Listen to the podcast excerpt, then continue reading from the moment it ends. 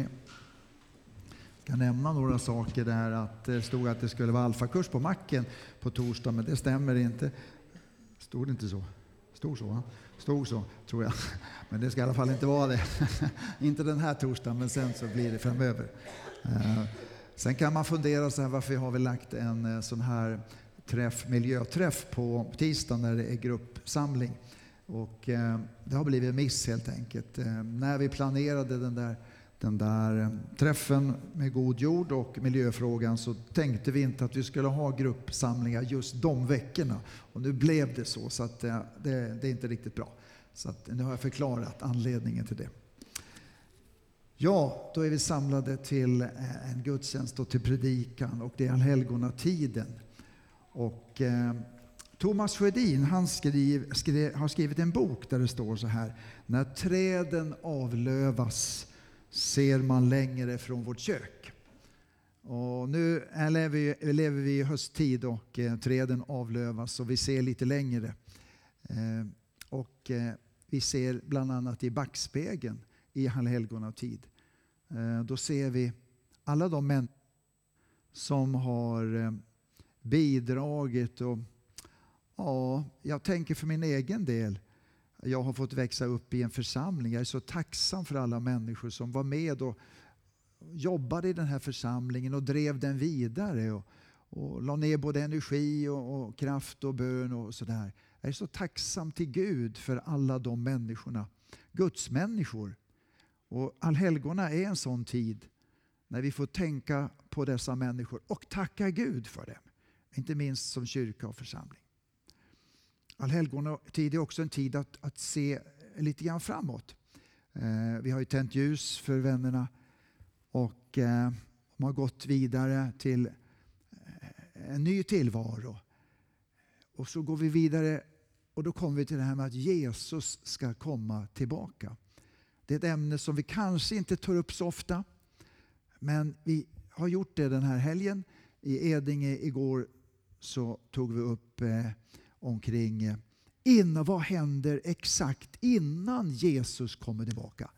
Och idag så tänkte vi stanna lite grann mer på vad sker när Jesus kommer tillbaka. Um, igår när vi talade om vad som händer innan Jesus kommer tillbaka så talade vi om att det blir en tid där evangeliet kommer att förkunnas över hela jorden.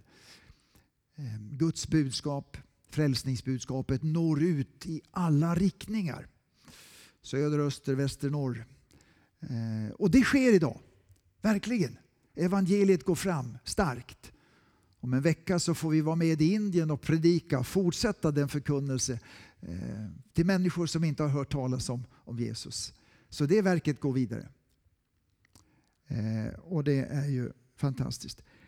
Men tiden före Jesus kommer tillbaka kommer också kantas av svårigheter. Vedermödan kanske du har hört talas om.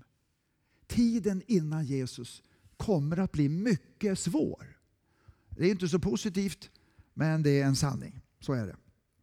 Och eh, eh, I Uppenbarelseboken kan, kan vi läsa så här. Men ve över jorden och havet. Djävulen har stigit ner och hans raseri är stort, ty han vet att hans tid är kort. Och Precis så tror jag det är. Att djävulen vet att alltså nu, nu, nu börjar närma sig när jag blir fängslad och inte kan verka längre. Så nu är hans raseri jättestort. Och, och det märker vi sannerligen. Två saker som djävulen gör. Han förstör och förför. Förstör och förför. Han förstör vår jord, verkligen. Förstör familjer. Förstör vår moral och etik.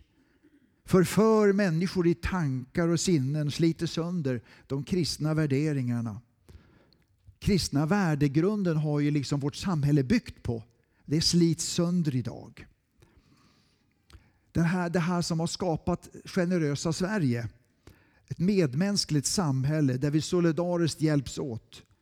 Det håller på att slits sönder idag. Trons människor attackeras starkt.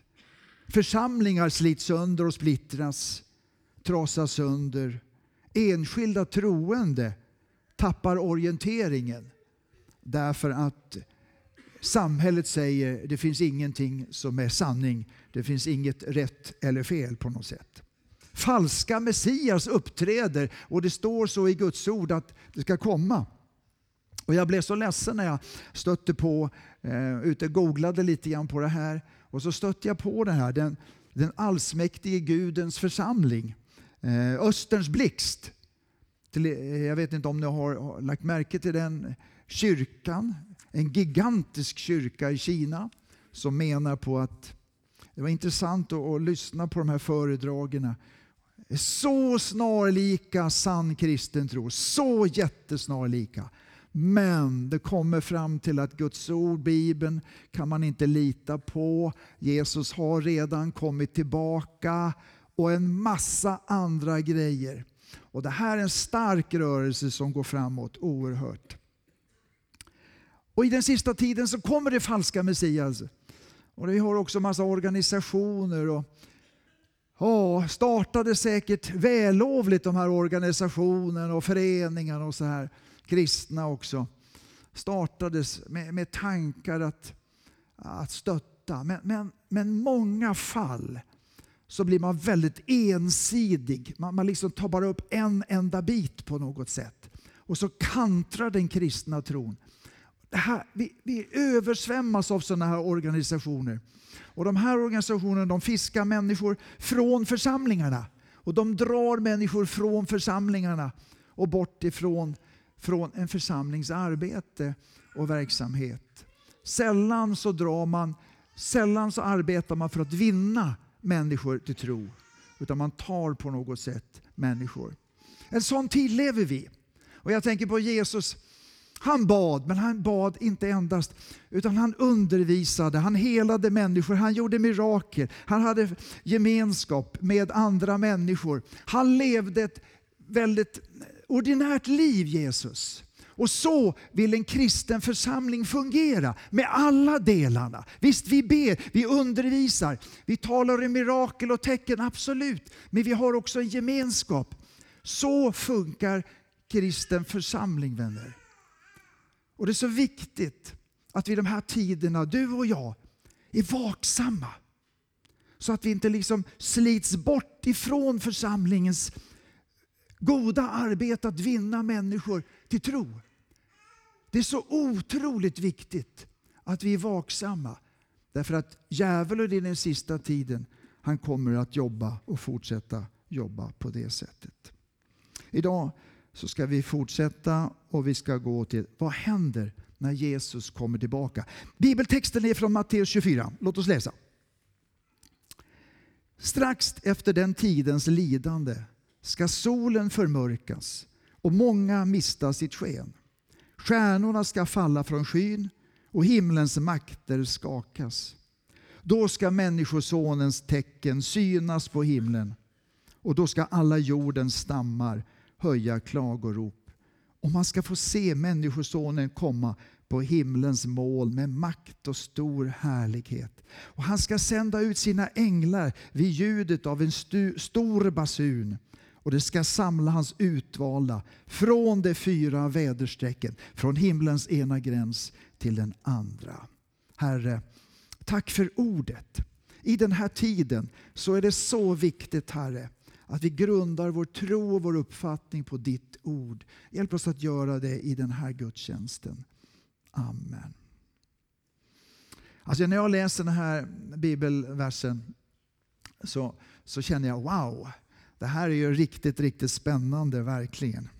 Nu ska vi ska jag säga det i början också, att det är lätt när man kommer in på, på det här ämnet, vad händer när Jesus kommer tillbaka? Att det blir spekulationer och eh, man kan kanske inte vara tvärsäker i detaljer, låt mig säga det.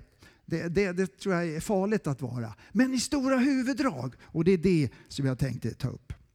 Eh, Alltså det här som står och som vi läste nu då. Kommer det här verkligen att ske? Kommer Jesus att komma tillbaka? Eh, är det verkligen så? Eh, då är det någon som har räknat ut så här att det står i Gamla Testamentet och Nya Testamentet 568 gånger att Jesus ska komma tillbaka. 568 gånger. Eh, det är ganska mycket det. Och skulle det då vara så här att att det där skulle vara falskt, då är väl risken också att väldigt mycket annat också är falskt. Så jag tror då att, att det här med att Jesus kommer tillbaka, verkligen, det är en sanning. Det är en sanning. Det kommer att ske. Han kommer att komma tillbaka en gång till, absolut. Vi ska komma ihåg, innan Jesus kommer tillbaka så har det varit svårt lidande. Och Det är en anledning till att han kommer tillbaka. Eh, troende människor, inte bara troende människor, utan överhuvudtaget, det är kaos i samhället. Och vi ropar efter frälsare. Det gör vi idag. Och Jesus kommer att komma som den sanna frälsaren. Eh, han kommer som befriaren. Och jag, jag tänker på under andra världskriget så, eh, så var det ju fasansfulla saker som koncentrationsläger. Och i krigets avslutning så kom det befriare till de här koncentrationslägren och kunde öppna grindarna. Och människorna, de som kunde gå, kunde gå ut i en total frihet. Alltså de blev befriade. Blev befriade. Och Det är så jag tror vi ska tänka när Jesus kommer tillbaka. Han kommer som en befriare. Vi får leva i ett öken, vi får leva i ett mörker, vi får leva i, i kamp och strid och svåra situationer. Även vi här uppe i, i Norden kommer att få göra det. Och då kommer Jesus som en befriare. Hur kommer han? Ja, den här texten säger att han kommer uppifrån. Eh, och det är ju ganska självklart att han gör det. Eh, vi kan läsa från Apostlagärningarna 1. När Jesus eh, tog lärjungarna med till Oljeberget och så lämnar han dem där. Och då säger några änglar så här. Denne Jesus som har blivit upptagen från er till himlen skall komma tillbaka just så som ni har sett honom fara upp till himlen. Alltså, på samma sätt som vi har sett Jesus fara upp, så kommer han att komma tillbaka. Eh, då vet vi det. Eh, kommer vi att se honom när han kommer tillbaka eller kommer han osynligt? Eh, den, här, den här kyrkan i Kina de anser att han kom, kom osynligt. Då, då. Bibeln säger inte riktigt så. Eh, den säger att det blir väldigt synligt. Jag läser från, kommer läsa mycket från Bibeln här. Ifrån Uppenbarelseboken 19 står det så här. Och jag såg en öppen himmel och se en vit häst. Och han som satt på den kallas trovärdig och sann. Och han dömer och strider rättfärdigt. Hans ögon var som eldslågor. På huvudet hade han många kronor och på honom var ett namn skrivet. Han var klädd i en mantel som doppats i blod och hans namn är Guds ord. De himmelska härarna följde honom på vita hästar och de var klädda i skinande vitt linne. Här står det ju att, att Jesus kommer tillbaka i, i härlighet och i kraft på något sätt. Eh, och det, det, ord som, och det ord som används i det här sammanhanget det är, är ordet statsbesök. Så när, när, Jesus kommer tillbaka så är det ett statsbesök det handlar om. Kanske vi har sett eh, eh bilder på när Amerikas president landar i ett statsbesök så kommer han ju ett stort, stort flygplan och jättemånga som följer. Va? Det här blir ännu större, ett statsbesök. Herren Jesus kommer till oss. I Uppenbarelseboken 1 och 7 kan vi läsa Se, han kommer med molnen och varje öga ska se honom. Varje öga ska se honom. Fullt synligt för alla människor. Det var någon som tänkte så här, men det är väl inte möjligt. Jag menar, eh, några är vakna och några sover. Och så var det någon som ah, men det där, det där blir en TV. TV kommer att vara med och TV kommer att visa det där. Så att alla kommer att se Hur det går till det vet vi inte exakt. Va? Men det står faktiskt att varje öga ska se något. Det vill säga bli fullt synligt. Det blir det va? När Jesus kom första gången så kom han som ett litet barn till ett litet stall i en liten plats. Och, och, och, det var väldigt få som, som hade någon aning om det. När Jesus kommer att komma tillbaka, då kommer han i, i makt, i kraft. Och han kommer fullt synligt och alla kommer att se det. På något sätt så kommer... Ja, det här är ju aningar som man kan ha. Men på något sätt så kan man, när man läser Guds ordet, så kan man få den uppfattningen att han kommer i en sån auktoritet och, och, och med alla änglar och så, så att det blir så överväldigande. Så att även statschefer och diktatorer och alla möjliga, de kommer liksom på något sätt att backa. För detta blir något enormt. Man tappar all kraft på något sätt. Därför att Jesus och hans entré är så kraftfullt. Vi kommer att se det, sannerligen. Det kommer vi göra. Eh, ja, jag ser med förväntan fram. Jag hoppas att jag får vara med och se när Jesus kommer tillbaka, sannerligen. När Jesus kommer att komma tillbaka så är det mm, och samla de utvalda, för det står så. Så det är tre händelser i tre steg. Och jag ska ta de där tre stegen. Det första är, och vi ska läsa från första Korinthierbrevet 15. Där kan vi läsa. Liksom alla dör genom Adam så ska också alla få nytt liv genom Kristus. Men i tur och ordning. Först Kristus och därefter vid hans ankomst de som tillhör honom. Och visst, vi ska uppstå. Det är ju vår tro som kristna, absolut. Vi, vi vet, vi föds, vi lever och vi dör. Men så ska vi uppstå, absolut. Det, det, det är vår absolut fasta tro. Jesus uppstod och vi ska uppstå. Och Jesus har uppstått. Och nu säger den här bibelversen det, att de döda ska uppstå när Jesus kommer tillbaka. Vid hans ankomst. kommer alla avlidna som dött i tron på Jesus att uppväckas. Eh, vi har tänt några ljus idag och när Jesus kommer tillbaka. Och På samma sätt så får då var och en en ny kropp, en uppståndelsekropp. Det var ju så med Jesus att eh, hans gamla kropp det lades i, i graven. Det var ju så. Men så förvandlades hans kropp. Så han stod upp och han gick ju igenom stenen. Hans, den uppståndelsekroppen som Jesus fick, härlighetskroppen, den kunde ju förflytta sig väldigt snabbt och den kunde naturligtvis gå igenom materia och sådana saker. Eh, så att på samma sätt ska vi få en uppståndelsekropp. En kropp som är hel. En kropp där inte är lidande, sjukdom är behäftad med det. Utan med, med friskhet och med liv. En sån kropp hörni, som vi verkligen längtar efter. Ska vi känna igen varandra? Det är ju en fråga. Jag kommer till det lite senare. Men vi ska få en härlighetskropp. Paulus skriver så här i första Thessalonikerbrevet 4. Så skriver han så här. Ty när Herren själv stiger ner från himlen och hans befallning ljuder genom ärkeängens röst och Guds basun, då ska de som är döda i Kristus uppstå först.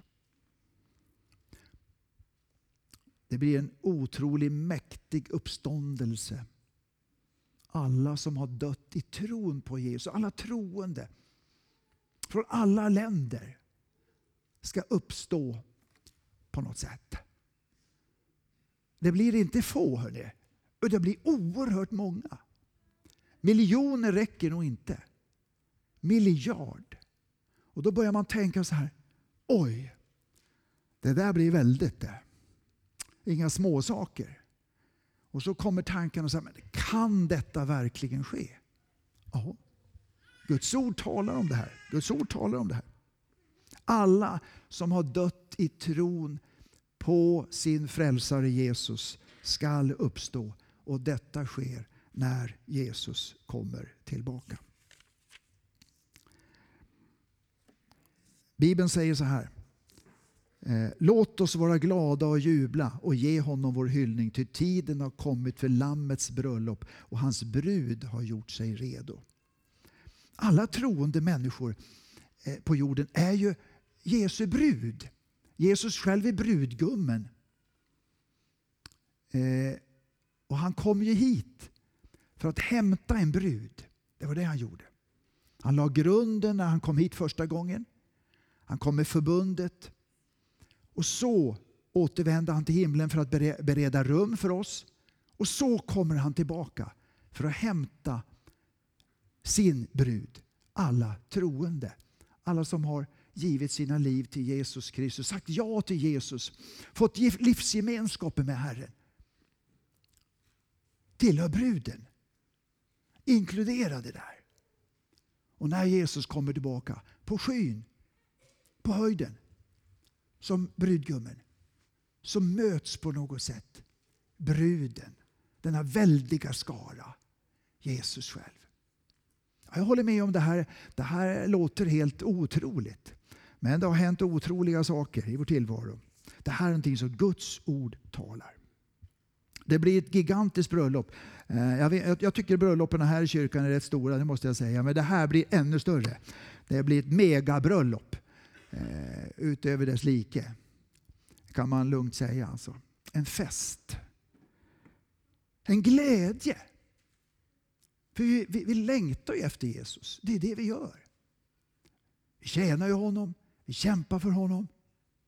Och vi möter honom i bön och lovsång. Men bara i tro.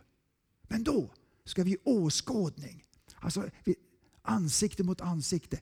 Vi ska få ta på Jesus och alla hans, hans vänner, alla hans barn. Ja, det var det första steget det. Att när Jesus kommer tillbaka så ska alla som har avlidit i tron möta. Det andra steget och det är nästan ännu häftigare. Det står så här i Paulus brev. Därefter ska vi som är kvar i livet föras bort bland molnen tillsammans med dem, alltså de som har avlidit och uppstått, för att möta Herren i rymden.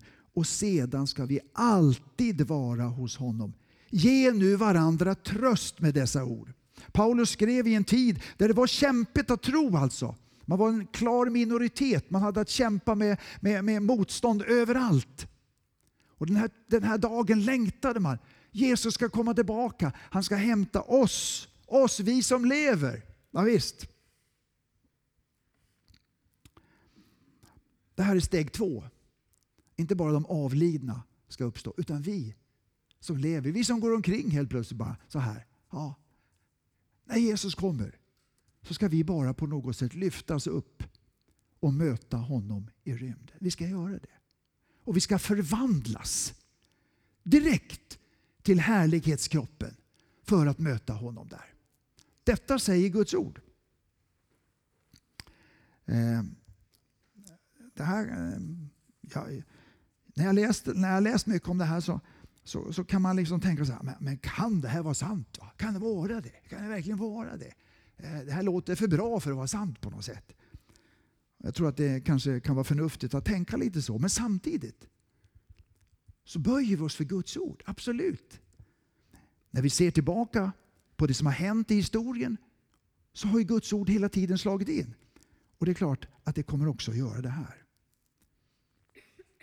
Jag kommer att lyftas upp och möta Jesus tillsammans med trosvänner för att se tillsammans då de som har gått före, de som har varit avlidna under en lång tid. Jag kommer att få träffa förhoppningsvis mina släktingar, mina förfäder. Människor från den här församlingen som var med och grundade för länge sedan. Kommer att mötas i en gigantisk gemenskap. Ja, helt sanslöst fantastiskt. Det fanns en bokserie som hette Left Behind. Kanske ni har läst något, något exemplar av det. Ja, det handlar just om det här. Alltså att vissa människor rätt vad det bara lyfts upp. Det är det som Bibeln benämner uppryckandet. Uppryckandet. Alltså vi rycks upp från den vanliga tillvaron. Där vi står och där vi är när Jesus kommer och möter honom. Och då lämnas naturligtvis de människor kvar som, som, som på något sätt inte hade den här livsgemenskapen med Herren. Som hade kanske förnekat honom eller kanske inte hört talas om honom eller på något sätt bara inte haft tid för honom. De människorna blir kvar då. Och det är klart att det blir, det, en otro, det blir en otroligt märklig situation på jorden när på något sätt ganska många människor ändå bara försvinner sådär ett ögonblick. Vad händer sen på jorden? Ja, det kan vara många frågor, absolut. Men Guds ord talar tydligt om de här. Det var det andra steget. Att vi som är i livet, vi ska få möta våran Herre, se honom, få, få liksom vara riktigt nära honom. Det tredje steget kommer vi nu till. Och jag ska läsa från Sakarja 14. Den dagen ska han stå med fötterna på Livberget som ligger invid Jerusalem på östra sidan. Och Livberget ska rämna mitt i tu från öster till väster i en väldig dal. Ena halvan av berget viker åt norr och andra halvan åt söder. Och den dagen ska friskt vatten strömma ut från Jerusalem. Hälften mot östra havet och hälften mot västra havet. Sommar och vinter ska det vara så. Och Herren ska vara konung över hela jorden. Jag ska också läsa från Uppenbarelseboken 20. Och jag såg en ängel komma ner från himlen med nyckeln till avgrunden och en stor kedja i handen. Han grep draken, ormen från urtiden, som är djävulen och Satan och band honom för tusen år och kastade ner honom i avgrunden. Alltså när, när då vi, vi möter Jesus på skyn. De som har avlidit och vi som är kvar. Vi möter Jesus där. Eh, hur länge vi kommer att vara där, det kan inte Bibeln, tycker jag, säga exakt. Men sedan, sedan då, efter detta, så kommer Jesus att landstiga på den här jorden. Och han kommer att göra det på Oljeberget, Olivberget. Där ska han sätta sina fötter. Det var därifrån han lämnade och det är dit han kommer att återvända. Och Det var det vi kunde läsa om där. Och, och Då finns det bibelord som talar. Det här kanske vi inte kan säga med största säkerhet, men ganska stor säkerhet. Att vi då på något sätt som har blivit förvandlade, att vi ska få följa med Jesus. Och Jag bara tänker så här, kära någon, då, då blir alla hotell fullbelagda. Verkligen. Vilken gigantisk samling av människor som kommer till Oljeberget den dagen, eller hur? Det måste ni säga. Va? Det blir ju enormt mycket folk som kommer dit. Och det är klart man funderar så här, ja, men hur ska det gå till? Ja, jag har många frågor här.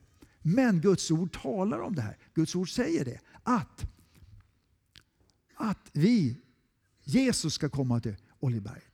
Och i, i samma stund som han gör det så ska liksom Satan fängslas. Definitivt. Inte kunna påverka längre, utan vara maktlös totalt. Idag så vet vi att Satan påverkar på olika sätt våra tankar och jättemycket. Det är därför världen ser ut som den gör. Men då ska inte Satan, djävulen eller på något sätt demoner kunna påverka.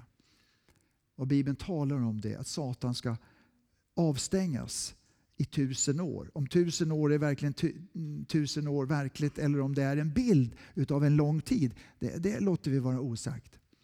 Men ändå så kommer en tid som jag kan tänka mig som Gud hade tänkt när Gud skapade. När Gud skapade den här jorden och den här världen så skapade han naturligtvis den för harmoni och att vi människor kunde leva i harmoni med Gud tillsammans med honom och med varandra.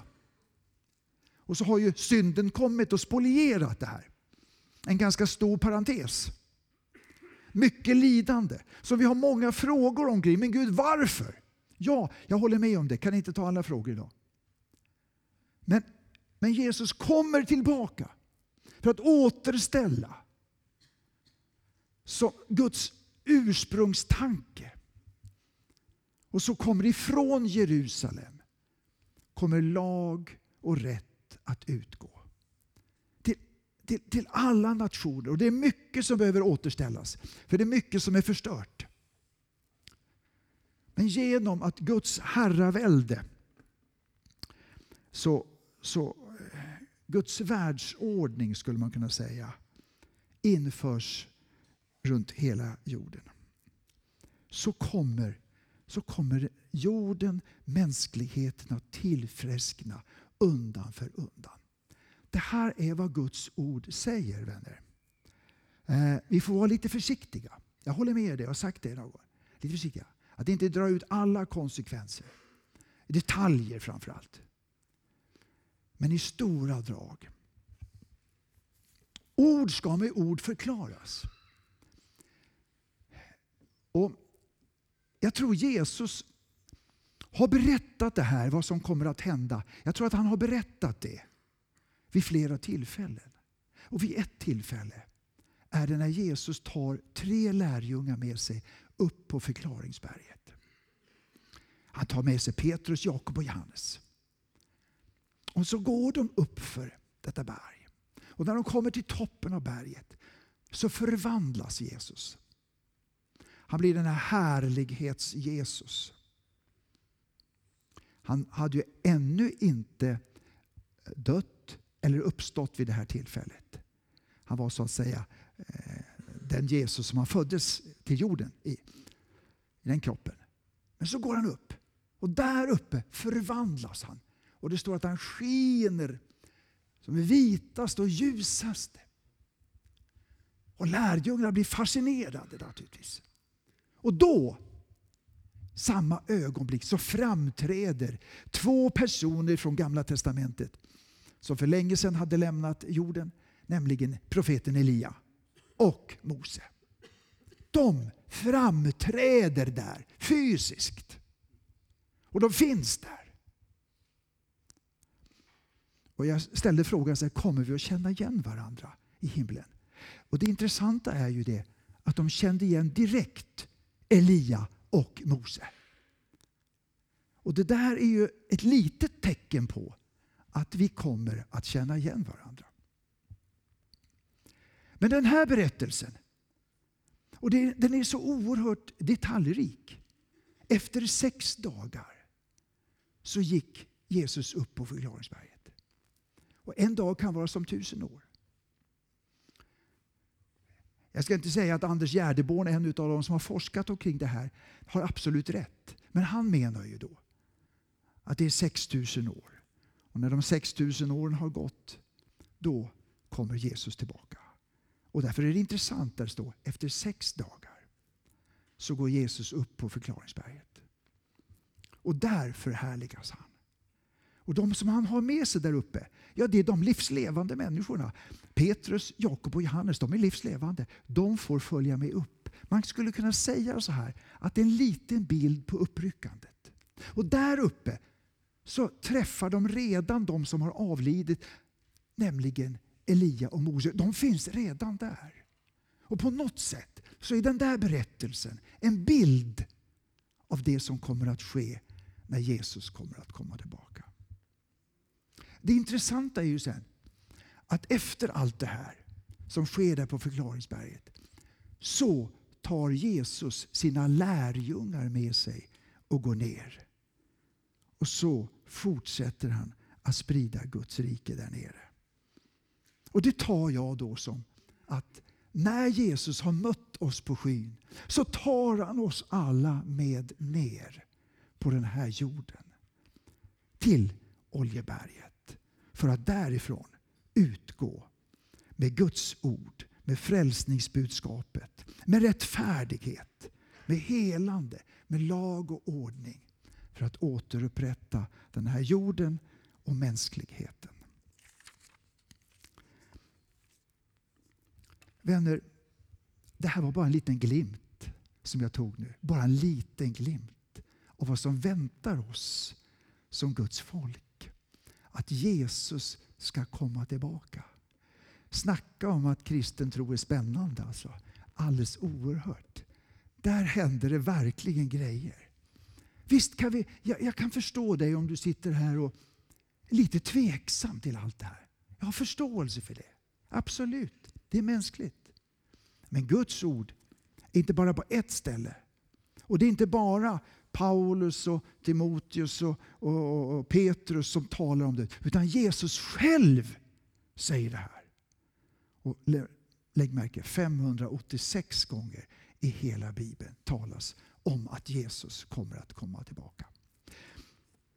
Vi kanske tänker så här. Men Jesus, vad är, varför dröjer det då? Kom nu! Det, det, det, det vore jättebra.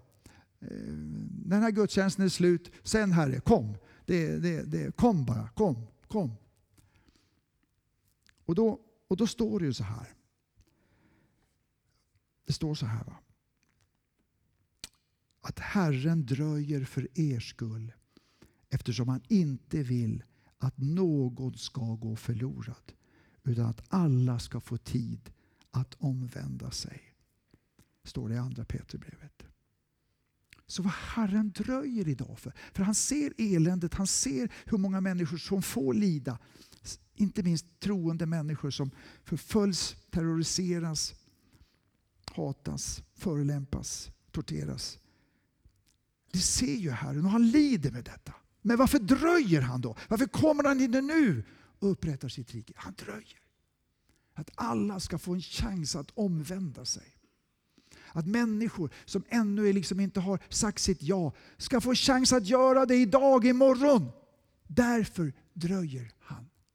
Och då förstår ju vi att det är så viktigt för dig och mig. För att påskynda hans ankomst. Kan vi göra det? Ja, jag tror vi kan det. På det sättet att vi berättar om tron. Vittnar helt enkelt för människor. Och när vi gör det och får föra människor till tro.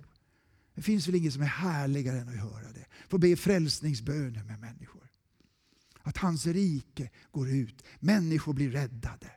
Människor får också vara med i det här bröllopet. Får också vara med i den festen. Får också vara med att vara hans medtjänare och gå ut med budskapet, evangeliet till människor. Min fråga till dig, min fråga till mig själv det är Lasse, har du Jesus i hjärtat? Har du det? Är du en av dem som längtar och hoppas Jesus kom snart, Maranata? Du som är här, har du det klart med Herren? Har du sagt ditt ja till honom? Kommer du att vara en av dem som lyfts upp och får möta honom? Eller fas, fasansfullt är du en av dem som lämnas kvar. Du behöver inte vara det. Det är bara ett ja. Det är nåd vänner. Inte på grund av gärningar. Nej, nåden. Att jag får säga mitt ja Jesus. Du är min enda räddning. Du är min enda frälsare. Bara du. Låt oss be. Far i himmelen. Idag så har vi fått gå upp på berget. Tack för att du har tagit oss med upp på berget. För att se de stora sakerna. De som vi inte varje, varje dag går och funderar på. Men så här i allhelgonatid, när lö, löven faller från träden, då ser vi lite längre. Herre, vi har blickat, vi har blickat framåt. Och vi med glädje, med en viss bävan, så hälsar vi dig sannerligen välkommen. Jesus, kom, kom, kom till den här jorden. Vi väntar på dig. Vi längtar att du kommer. Vi förstår inte allt, vi vet inte allt. En hel del saker, ah, vi bara säger så här, ah, vi kan inte fatta hur det ska gå till. Men Jesus, det överlämnar vi åt dig. Vi gör det. Herre Jesus Kristus, Maranata, kom. Och Herre, du kan komma redan den här stunden genom att vi inbjuder dig i våra hjärtan, i vårt innersta. Ja, i, i vårt absolut innersta. Och överlämnar styret åt dig. Du är min Herre. Jesus, ta över mitt liv. Fräls mig. Låt mig få bli ditt barn. Tack, tack Herre. Amen. Amen, amen. Vänner, nattvardsbordet som vi har här i kyrkan är dukat. Och vi ska eh, nu eh, få möjlighet att komma fram och, och liksom ta del av nattvarden. Jesus Kristus är mitt ibland oss och han bjuder oss på nytt till sitt bord. Han säger, se jag står vid dörren och klappar. Om någon hör min röst och öppnar dörren